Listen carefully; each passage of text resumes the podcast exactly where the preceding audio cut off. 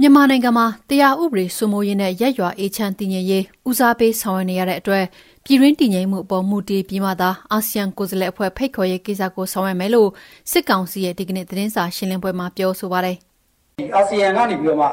ဒီခုနငါးချက်ထဲမှာမြန်မာပြည်ကိုဒါအထူးကိုယ်စားလှယ်ဖွဲ့ဆေလွတ်မယ်ဆိုတာပါပါတယ်။ဆိုတော့ဒီအထူးကိုယ်စားလှယ်ဆေလွတ်မယ်ဆိုတဲ့ကိစ္စနဲ့ပတ်သက်ပြီးတော့လေကျွန်တော်တို့ကဒီအထူးကိုယ်စားလှယ်ကိုမြန်မာနိုင်ငံရဲ့အခုလုံခြုံရေးအခုကျွန်တော်တို့ရဲ့ အခုလက်ရှိကျွန်တော်တို့ရဲ့အရေးကြီးဆုံးကိစ္စကနိုင်ငံတည်ငြိမ်လုံခြုံရေးပါတည်ငြိမ်အေးချမ်းရေးပါအဲ့တော့နိုင်ငံတည်ငြိမ်အေးချမ်းရေးနဲ့ပတ်သက်တဲ့အခြေအနေတခုကိုကျွန်တော်တို့ရောက်တဲ့အခါမှာဒီဒီကိစ္စကိုလည်းကျွန်တော်တို့ဆက်လက်ပြီးတော့မှဆောင်ရွက်တော့ရမယ်ဆိုတော့ကျွန်တော်တို့ပြောကြားခဲ့ပါတယ်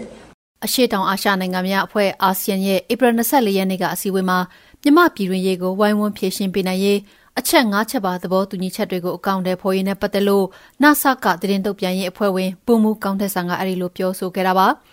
ဒီကနေ့သတင်းစာရှင်းလင်းပွဲမှာအကြမ်းမဖက်အာဏာဖီဆန်ရေး CTM လှုပ်ရှားမှုဗန်စနစ်တွေကမောက်ကမဖြစ်နေရတဲ့ကိစ္စနဲ့အရက်ဖက်လက်နက်ကင်တပ်ဖွဲ့နဲ့စစ်တပ်ကြားတိုက်ပွဲအခြေအနေတွေကိုလည်းသတင်းထောက်တွေကမေးမြန်းခဲ့တာပါစစ်အာဏာသိမ်းပြီးတဲ့နောက်ပိုင်းဗန်တွေမှာအကန့်အသတ်နဲ့ငွေထုတ်နေတဲ့အပေါ်ပြည်သူတွေရဲ့စိုးရိမ်ချက်တွေထွက်ပေါ်နေတဲ့အတွက်ဗန်တွေလက်ပတ်ဖို့အခက်အခဲနဲ့ကြုံနေရတာပါ။ ဘဏ်တွေမှာငွေကိုအကန့်အသတ်နဲ့ထုတ်ပေးနေတာဟာတိုင်းပြည်စီးပွားရေးစီမံချက်တွေပြက်ပြားအောင်နိုင်ငံရေးအရာလှုံ့ဆော်နေတာတွေကြောင့်ဖြစ်ပြီးအခုမိုဘိုင်းဖုန်းကသဖြင့်ငွေလွှဲတဲ့လုပ်ငန်းတွေပုံမှန်ပြန်ဖြစ်နေပြီလို့မြန်မာနိုင်ငံဗဟိုဘဏ်ဒုဥက္ကဋ္ဌဦးဝင်းတော်ကလည်းဒီကနေ့သတင်းစာရှင်းလင်းပွဲမှာပြောဆိုပါရယ်လူအတော်များများကဘဏ်တွေအပေါ်ယုံကြည်မှုအားနည်းလာပြီးတော့အိမ်မှာပဲငွေတွေတင်ထားချင်ကြတာကြောင့်အပ်တဲ့သူတွေကမအပ်ပဲထုတ်တဲ့သူတွေကပိုများလာနေတာပါ။